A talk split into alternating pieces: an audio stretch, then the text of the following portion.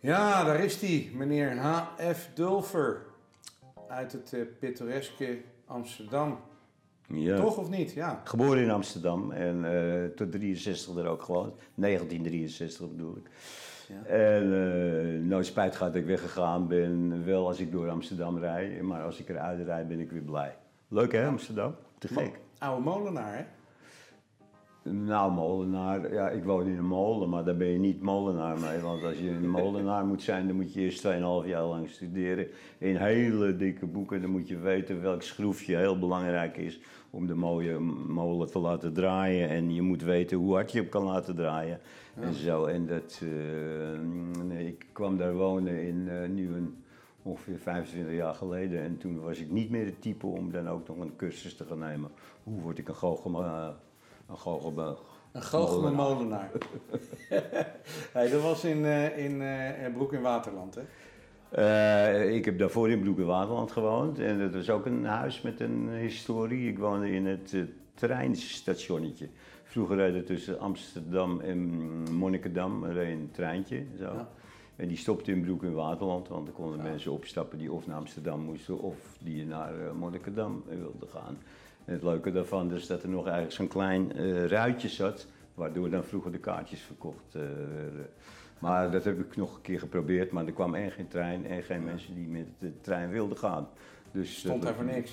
Maar er was in elk geval ook een huis met een historie. Want er waren altijd mensen die kwamen vertellen, ja, weet je dat daar is vroeger een moord gepleegd in het huisje, weet je. Maar ja, ik woon nu in een molen uit 1576. Daar zal ook wel wat gebeurd zijn. Uh, en ik kom nu ook mensen, ja, mijn vader heeft hier ook uh, nog gewoond en ik ben hier geboren. Maar weet je dat er vroeger een man is vermoord in deze molen? Ook al? Ook al, weet je. Elke keer is er iets en allemaal verhalen over dat die molen was het hoofdkwartier van de ondergrondse in de Tweede Wereldoorlog. En uh, daar zat uh, de, de, de, binnenlandse strijdkrachten erin, verborgen voor de Duitsers en zo. Schermerhoorn heb ik nu. Nee, grootschermer. grootschermer. Ja, ja. ja. En, uh, en dat, het is ook weer een huis met een verhaal, maar ik vind het wel mooi eigenlijk. Die molen die is inderdaad uit 15, 1576. Maar vroeger dus zetten ze molen op een plek neer waar die noodzakelijk was om water weg te pompen. Ja. Maar als ze ergens anders een andere plek hadden waar het veel noodzakelijker was om het water weg te pompen, dan braken ze gewoon die hele molen af. Nou, ontzettend groot ding. Helemaal tot de laatste steen werd die afgebroken en werd gewoon een paar kilometer verder weer opgebouwd helemaal. En dat, en dat, dat, moet fantastisch zijn geweest, want toen ja. had je geen hoogwerkers en dat soort dingen. Weet je, ook gelukkig niet al die regeltjes. Ging allemaal door het veld. Ja. En, het, en dat, dat gebeurde gewoon, weet je. Die werd uh, dan Zo. weer opgebouwd een stukje verder. Hey, uh, toen ik uh, de laatste keer bij jou was hè, in de molen, toen, toen vertelde je me dat je een enorme collectie vintage kleding hebt. Hè? Ik bedoel... ja, vintage kleding. Kijk, nou ja, kleding uit ik, vervlogen Kijk, ik ben een, een raar iemand. Ik hou van, van winkelen. Ja. En ik hou nog meer van kopen. Ik ben echt een, de beste consument, denk ik, op mijn dochter na van Nederland. Die spaart tassen, heb ik wel eens gehoord. Hè? Wij kopen alles. Gewoon. Ja. Wij, als er ergens een bedrijf goed gaat, dan, ik geloof dat ik de Sarah toch naar een bepaalde hoogte heb getild. en, uh, ja, en dan is het ook nog zo dat ik altijd denk van die dingen die ik koop, die zijn dus modisch meestal. En dan denk ik, ja, maar kijk, die mode komt toch een keer weer terug, want dat is wel zo. Ja. Die, Blijft de die spijkerbroeken met wijde pijpen, ja. die ging ik bewaren, want ik wist zeker dat er weer tijd kwam dat je... Uh... Heb je er een paar aan Jaram gegeven? ja, maar dat soort dingen. Alleen je vergist je één ding ergens in. Bijvoorbeeld, ik ben ook gek op mooie leren jacken of mooie leren ja, gewone jassen. Mm -hmm. Ik had het er straks een aan hier, die zag je, weet je, dat zit ja. mij helemaal goed en daar hou ik van gewoon. Maar wat ik vergeten ben, dat ik vroeger zo'n boskast had. En stukken hout kon optillen van de molen en weet ik ja. het allemaal. Maar dat je op een gegeven moment als je ouder wordt ga je toch inklinken een beetje. Dus als ik nu zo'n goed jack, ik heb zo'n jack bijvoorbeeld, waar ook allemaal van die slierten aan hangen, weet je. Oh ja, ja, ja, dat weet ik nog. Ja. Dat heb ik eigenlijk ook nooit durven aandoen, want ik vond het een beetje overdreven. Maar soms thuis pak ik dit jack toch wel eens en doe ik het aan. En dan hangen opeens, die mouwen die hangen opeens zo over mijn schouder heen. Dus eigenlijk heb ik dat jack al die tijd voor niks bewaard, weet je. En tegenwoordig is het ook zo, het is niet meer zo in de mode om van die vierkante schouders te hebben. Dus iemand anders, ook al wil ik het weggeven, dan zeggen ze toch nog van... Um, dat was een beetje nee, jaren 80, Hou jij het maar, weet je. Ja, jaren 80, 90. En dan kan ik het niet over mijn hart krijgen om dat weg te gooien. Dat klinkt misschien gek. Maar het is toch wel leuk om het even opnieuw aan te trekken een keer? Ik bedoel, uh, ja, maar dat, dat, doe ik ook wel eens. Dat doe ik, dat, dat, dat, namen dat jack, dat is een leren jack. En dat heb ik gekocht op een festival in Denemarken. Een handgemaakt jack. Dus echt ook een bijzonder iets gewoon. En dat, uh, ja, dat doe ik af en toe zo eens even aan. En dan ga ik, uh, kijk ik nog even zo in de spiegel, weet je. Met het idee van, hoe had ik het, hoe droeg ik het nou vroeger? Maar vroeger deed ik het ook niet aan. Want het was te mooi. Too much. Too much. Het was too much, was het gewoon. Ja, je. En ik wacht nu gewoon tot iemand zegt een keertje, want dan kom ik thuis, dan laat ik bij me thuis, als ik visite heb, laat ik het wel eens zien. Weet je, en dan laat ik het zo en dan denk ik, nou ja, als jij het mooi vindt, dan geef ik het, geef ik het aan je. Want verkopen, dat kan je eigenlijk wel vergeten. Maar zelfs als je het wil weggeven, dan nog zeggen ze, nou, ik geloof niet dat dat iets voor mij is. Ja. Hey, we, hebben het net gehad over vintage, hè? En toen zei je, nou, vintage, vintage, en toen had je het over Sarah. Maar jouw carrière, die is 65 eh, jaar geleden begonnen. Ja, ik was 15 jaar. En ik zat nog op school en uh, toen wilde ik, uh, wilde ik saxofoon gaan spelen eigenlijk. En het, nou, mijn ouders waren er fel op tegen, want ik, kwam, ik was bekend met de jazzmuziek al toen de tijd, omdat mijn zuster een vriend had die ook van jazzmuziek hield. En die gaf mij een plaat keer van Charlie Parker bijvoorbeeld. Ja. En daar was ik helemaal weg, dus ik wilde dat ook worden. Maar dat had ook te maken in die tijd, als je jong was. Uh, dat was na de oorlog in feite, de Tweede Wereldoorlog bedoel ik ja. mensen. Ja. Tweede, ja. weet je, doen, ja, dat toen wilde je eigenlijk, je wilde Amerikaan worden. Je liet je hart bebop. Je, je probeerde zo Amerikaans mogelijk te zijn. Kauwgom kauwen en uh, dat soort dingen allemaal. En dat, uh, ja, dat trok mij natuurlijk aan met die jazzmuziek, want het was Amerikaanse muziek. Dus zeg maar jaren 50, 60 zo'n beetje? Nou, halverwege de 50 jaar begon ik erin. En ja, je had toen ook allerlei modische, modische dingen. Bijvoorbeeld, je had pleiners en je had dijkers. Ik behoorde tot allebei een beetje. En uh, voor de pleiners had ik zo'n hippe eh, jas met een, een capuchon van het ex-Amerikaans leger. Ja. Die waren van binnen wit en van de buitenkant groen, weet je wel. Dus uh, waren die Amerikanen na de landing in Normandië doortrokken naar Duitsland, die hadden dat soort dingen aangewaard. En die kon je toen bij Salzpeier kon je die kopen. En die heb ik nou nog bijvoorbeeld.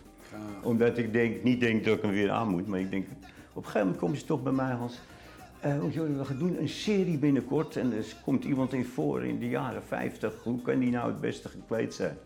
En dan heb ik de spullen al. Je hebt de spullen. Ik wil een keer komen filmen bij je. Mag dat? dus wat dat betreft, weet je ja, ik, uh, ik ben wel een kledingfan gewoon, ja. gewoon. Ik vind kleding, ja, het is, het is een gedeelte van jezelf. Ja. En, dat, uh, en ik heb ook een mati. Ja. Makkelijk die makkelijk is gewoon. Weet je. En dat heb ik eigenlijk, die maat heb ik al mijn hele leven. Ja. Dus ik eh, ben af en toe wel een beetje aangekomen en af en toe weer afgevallen en zo. En dat soort dingen, maar dat is toch mijn standaard maat. Dus ik kan ook gewoon ergens naartoe lopen en, en zoals dit ook een jasje aandoen. En dan zit het wel eens even een beetje krap, maar als het dan te krap zit en ik vind het toch een heel leuk jasje. Vreet je gewoon dan eet ik gewoon een paar dagen. Ja, ja, dat klinkt misschien lullig, maar dat is de manier gewoon om meteen, om meteen dat je zo'n jasje dus wel aan kan. Je kan gewoon een paar dagen achter elkaar niet eten. Letterlijk? Uh, nou, bijna niet. Bij, bijna niet eten. Maar dat komt gewoon omdat ik, ik, ik heb altijd die twee banen gehad. Ik, ik was op plaats zelfs directeur van een automobielbedrijf waar 40, 50 mensen werkten. En tegelijkertijd stond ik tot drie uur in de nacht te spelen ergens in, uh, ja, weet in Lutjebroek of zo. En moest ik dan naar huis. Dus zo. En dat heb ik altijd gedaan. En ik kom zelf ook mensen wel eens tegen die zeggen... Jezus, ik snap er niks van. Dat jij nog lang niet, lang niet dood bent zo. En die, die zei, zei eh, laatst had ik nog een exportier van de, van de Matzo op de Rozengracht. Oh ja. Die zei, man, ik zag jullie altijd binnenkomen, een uur of drie, vier en om vijf uur moesten we weer eruit schoppen.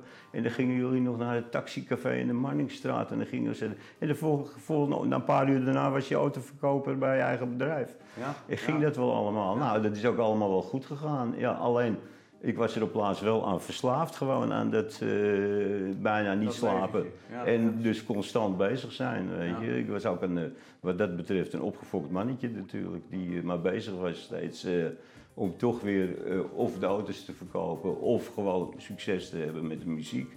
Ja, gaaf. Hey, en ik heb jou, ik heb jou ooit een keer gezien in de, nou dat was zeg maar eind tachtiger jaren, schat ik zo, in de kroeg in Amsterdam. Toen deed je jam sessies met Ja. eh Jos Kooijmans en met Ja, de- met, kijk, eh, er was toen, toen een groot verschil tussen popmuziek en jazzmuziek. Ja, Dat vond ik belachelijk. Ja. Eh, Want ik speelde eigenlijk zelf ook met popbands. Weet je, en eh, ik heb ook met de Polonieke hier een paar keer meegespeeld Ja. en zo. En daar kon ik. Kijk, zolang iemand niet tegen me zegt van je moet dit en dat gaan doen, dan vind ik het allemaal, wel- wil ik alle muziek wel proberen. Ik heb ook met klassieke muzikanten gespeeld en. Dat soort dingen. En om dat gewoon een keer te proberen hoe het gaat. En Ja. vooral het improvisatievermogen eh, op te vijzelen. Weet je.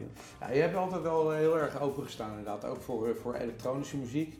Hè? Eh, we kennen elkaar een beetje door, door de, de, de bassist van, van mijn eerste bandje, John Helder. Ja, Hè, de zanger van bassist. jou, oké, hij probeerde bas te spelen. Sorry John. Nee. Maar, Ja, John, die heeft, nadat hij me eerst had geprobeerd te beduvelen ergens mee, met een opname, stiekem een opname aan, eh, ja, uit te brengen.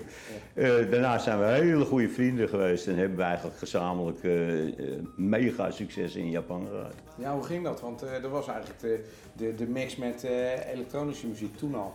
Dat was in, in de jaren nou ja, kijk, ik, ik, 80, ik had 90. hier in Nederland had ik wel dus iets uitgevonden wat echt een goede mix was tussen jazzmuziek en popmuziek. En ook nog met eh, muziek van, eh, de van onze allochtone medemuzikanten. Weet je, daar ook. eh, ik, ik wilde op een gegeven moment met congas, met iemand met congas gaan spelen.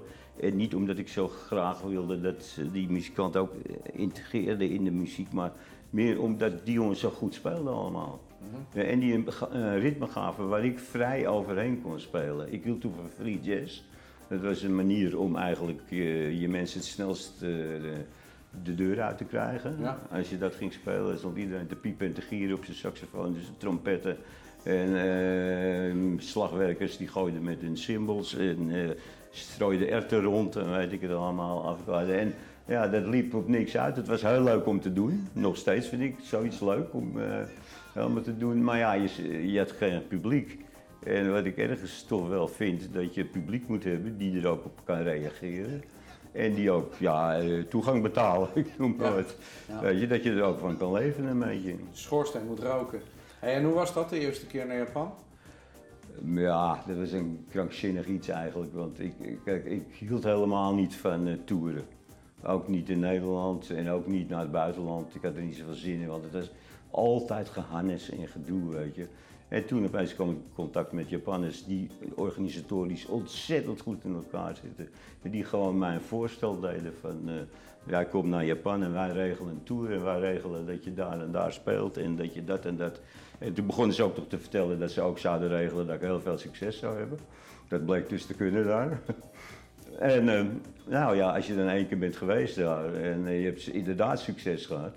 Maar ja, het vervelende is, kijk, iedereen die naar Japan gaat, die heeft succes. Dan moet je maar eens opletten. Als iemand voor de tv is, is er weer zo'n jazzmuzikant. Ja, joh, uitverkochte zalen en eh heel veel mensen. En ik ben nog op de televisie geweest daar, een heleboel.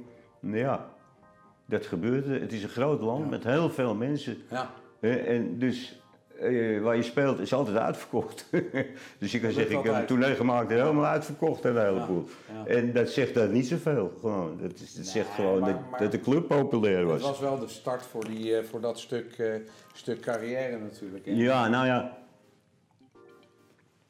Ik heb zelf dus vaak overdacht hoe dat kwam.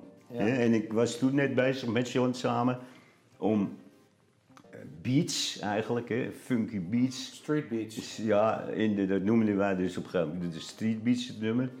En dat was in Nederland al een hit geweest, een beetje. Ja. En dat Street Beats was eigenlijk, ik was in die studio bij John Helder en daar was het altijd een puinhoop of de dingen waren stuk of uh, eentje kwam te laat en andere te vroeg enzovoort. En dus dan stond, zat ik maar te wachten. In de studio is wachten, wachten en nog eens wachten. En dan ging ik maar een beetje studeren. En dan heb ik een soort studie, wat ik dan studeren noem. Dat is om ehm, bepaalde noten uh, met dubbeltonen te spelen gewoon. Dus dat je niet één toon krijgt, maar dubbeltoon. Daarvoor moet je met je mond heel strak. Dus ik stond ergens weer in een hoek en ik stond... Zo in octaven eigenlijk, weet je. Zal ik oefenen. En toen eh, blijkbaar deed net het geluid, deed het net weer of zo. Dus een van de mensen die had het opgenomen. En toen, uh, dus de week daarna, dus, nou, nog een uh, bietje eronder gezet. Een sampletje van gemaakt. En, nou ja, en toen had ik een, laat me zeggen, wereldhit gewoon. je, terwijl ik, ik het eigenlijk in eerste instantie niet goed vond. Maar daarna ga je, ging ik ook mezelf ermee doen. Er werd een videoclip gemaakt en zo en alles. En nou, in Japan bleek het eigenlijk net de goede muziek op het goede moment te zijn. Ja, die muziek, die, hebt me wel eens gehoord, die, eh, mijn muziek klinkt meestal vrij agressief. Het is het niet, maar het klinkt vrij agressief. Het is hard, het is duidelijk, het is ritmisch altijd vol. Melodisch is het ietsje minder, ik kan wel zeggen. En uh, ja, uh, dat bleek daar net. Ik zag het ook gewoon bijvoorbeeld, want de eerste keer dat ging, dat was iets van 1994 of 95, nee, twee, ja, zoiets, 95. Toen zag ik al dat er een omwenteling was in de jeugd daar. Kijk, vlak daarvoor liepen alle meisjes met zo'n uh, zwart rokje aan, met witte sokjes zo. Ja. En een, een van een shirtje aan of zo. En uh, die stonden ook als fans. En die kwamen maar, Delval, Delval, want ze kunnen de R niet uitspreken daar. En dan had ik nog die hit die ik had ook, die we gemaakt hadden, heette Hyperbeat. Dus het was ja. Delval, Hyperbeat. Weet je? En eh, ja, nou ja, ik werd er ook behandeld als een superster. Terwijl eigenlijk uh, ik het daar in principe ook nog niet was toen. Dat kwam pas later gewoon, toen ze echt uh, ook doorpakte helemaal. Maar dat, zijn ook dingen, ja, kijk, als je hier in, in Nederland ergens moet je als muzikant en vooral als bandleider, moet je overal op letten, je, of het wel allemaal goed komt. Want in principe alles wat voorgesteld wordt, blijkt naderhand niet te kloppen enzovoort. En daar in Japan is het precies omgekeerd. Alles klopt van tevoren en onvoorstelbaar. Ja. ze gaan, uh, eerst willen ze een filmpje hebben van dat ik ergens speel. Waarom? Dan gaan ze dus dezelfde instrumenten die je niet kan meenemen, speakers en dat soort dingen allemaal. Weet je, ook beat keyboards en zo. Die gaan ze dan helemaal bekijken en die gaan ze dan bestellen voor de tournee bij mij om te zorgen dat je... Uh, dat het helemaal perfect is. Dat het helemaal perfect is. Ja. Uh, hoe heet het, uh, dan ga je op een gegeven moment interviews schrijven en, ja. en, en ja, ook, hoe noemen ze dat, al die, al die gasten bij elkaar komen en zo. die hebben dan keurig afgesproken, de ene vraagt dat aan je en van het motorblad vraagt die wat aan je en van het breiblad vraagt ook iemand aan je. En dan heb iedereen heb iets apart. En ik kan ook dan apart iets vertellen erover gewoon. Het is gewoon het, het summum voor muziek maken. Ja. En, en alles klopt wat er afgesproken is en je kan ze vertrouwen. Tot het, uh, tot het exacte aantal mensen in de zaal.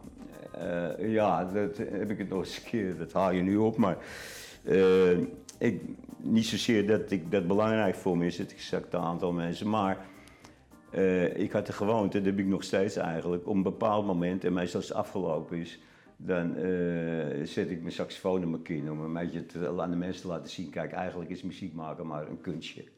Uh, je, daar doe ik dat voor. En dan ga ik ook daarna, loop ik de zaal, spelend de zaal in.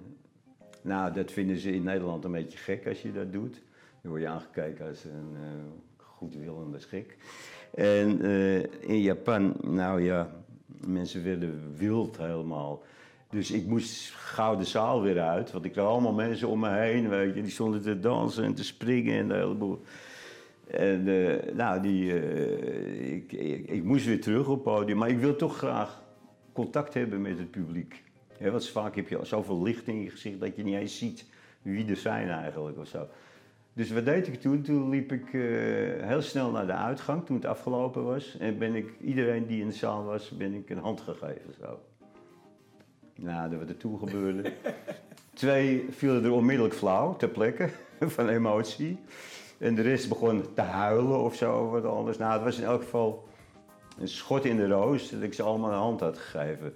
Dus na afloop kwam de local promoter, die heb je daar, de local promoter. Die zei, Mr. Dover, you're such a nice person. I never saw a musician who shook hands with his whole audience. You're so nice, you're so nice. Ja, en dan kan ik niet zo tegen als, als ze me zo aardig vinden. Dus ik zei tegen die man, nou, ik ben helemaal niet zo aardig, weet je. Kijk, ik heb met jou een optreden hier afgesproken en geld afgesproken. En het ging over dat er 3000, uh, 3000 mensen hier binnen zouden zijn in die zaal. En, zegt, ik heb, en ik ben afloop gaan controleren. Ik heb ze allemaal een hand gegeven. En het waren er 3115. nou, nou, wat er toen gebeurde. Weet je, die man dus, weet je, die, die local promotor. Nou, die zakte helemaal in elkaar bijna weg. Want dat is het ergste wat je kan doen: een Japaner niet vertrouwen. Ja. En ik maakte maar een grapje gewoon. En een pakken op cijfers. Een pak nou, fijn om maar heel lang verhaal kort te maken. Uh, de, de man, van de man van de platenmaatschappij en de Nederlandse man van de platenmaatschappij van IMI, die mee waren, die zijn een halve dag bezig geweest om die man te proberen te overtuigen dat dat nou een typisch staaltje van Amsterdamse humor was. Weet je, maar die man die wou harakiri plegen gewoon. Omdat ik had gezegd, ik zei ook maar wat, weet je. Ik had ze natuurlijk helemaal niet geteld, weet je, niks. Maar, maar ik, ik heb het wel eens gezien, dat doen die Amerikaanse groepen bijvoorbeeld. Ik ben ook een tijdje directeur bij de Paradiese geweest. En die, hebben, die spelen, spreken ook altijd een percentage af van hoeveel mensen er binnenkomen. En dan zie ik s'avonds, zag ik zo'n gozer bij de deur staan met zijn knippertje. Ja. Weet je, ja, ja, ja. knipte elke keer van. Dat was jouw inspiratie? Dat was mijn inspiratie, weet je. Dus ik deed het echt gewoon voor, de, voor de grap. Maar die man, die, nou joh, het was bijna niet te vertellen dat het maar een grapje was. Hey, trouwens, over Paradiso gesproken. Uh, er is iemand uh, die heeft stuivertje gewisseld, hè? Die, uh, die is van de melk. Ja, ja nee, maar die, die ken ik dus wel een hele goede vriend Geert. van me ook. Die, die, die, was vroeger de voorzitter van de fanclub van Candy Dulver. Echt? daar is hij mee begonnen al. Ja, ja. En dat is dus een, voor ons, ja, voor, ook voor mijn vrouw en voor Kenny, ja, een vriend. Een heel goede vriend uit het verleden, die ons altijd gevolgd heeft overal. Net zoals wij hem ook gevolgd hebben. Gewoon. Ik vind dat we... En hij heeft dus jarenlang heeft hij ook wel als uh, adjunct-directeur bij Paradiso. Ja. En toen is hij op een gegeven moment naar de Melkweg overgestapt, daar werd hij directeur dus. Ja. En ja, nu in die, deze toestand op uh, een gegeven ogenblik, ja, er kwamen natuurlijk allerlei dingen boven. En uh, ja, de directeur van Paradiso die er was, die, die gaat weg. Of die gezondheidsklachten, dacht ik geloof ik, ik weet het niet. Maar dat kan bij Paradiso alles zijn, ruzie met de staf of weet ik wat. Dan, maar die, eh, die ging dus weg, tussen moesten weer een directeur Nou, ik vind het niet zo gek dat uh, Geert, zo heet hij nou, dat hij nou gewoon uh, naar de Melkweg weer overgestapt is naar Paradiso. Ja, misschien moeten we een keer uitnodigen voor een Fred Talk. ik weet het niet, maar ik bedoel, hij, hij heeft dus, ja, hij weet dus wel alles van Nederlandse muzikanten en ook van buitenlandse muzikanten.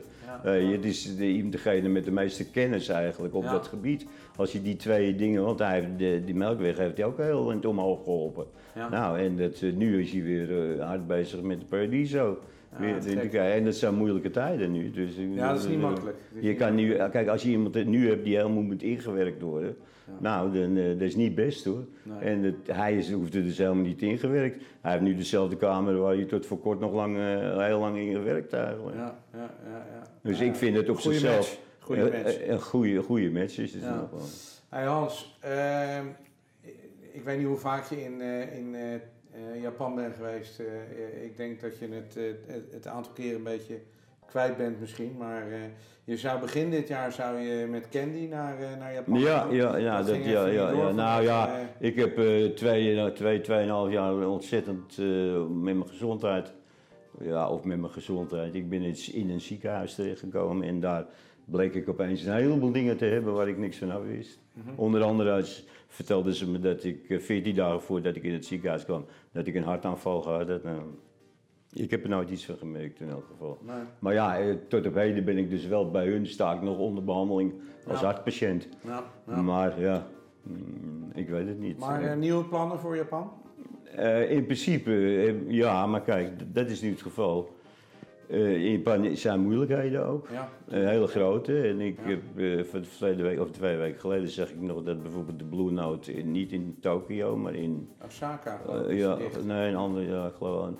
Die is dichtgegaan ook, wegens dat ze het niet meer konden redden. Dus ja, en ik heb nog een, een, tour staan met Candy samen, dus eigenlijk in november volgens mij. Maar ik hoor niks van hun. En ja, kijk, wij wachten altijd af tot ja. iemand anders weer begint te praten. Dat is beter. Als zij beginnen te praten, dan weet, je, dan weet je het ook wat ze willen. En dan weet je ook dat zij weten hoe de situatie is. Ja, helder. En, je hebt nu al, ook altijd al mensen die denken gewoon dat over, of tenminste toen de, die, die eerste lockdown was in, uh, wat was het, half maart hè, of zo, of half april, ik weet niet meer.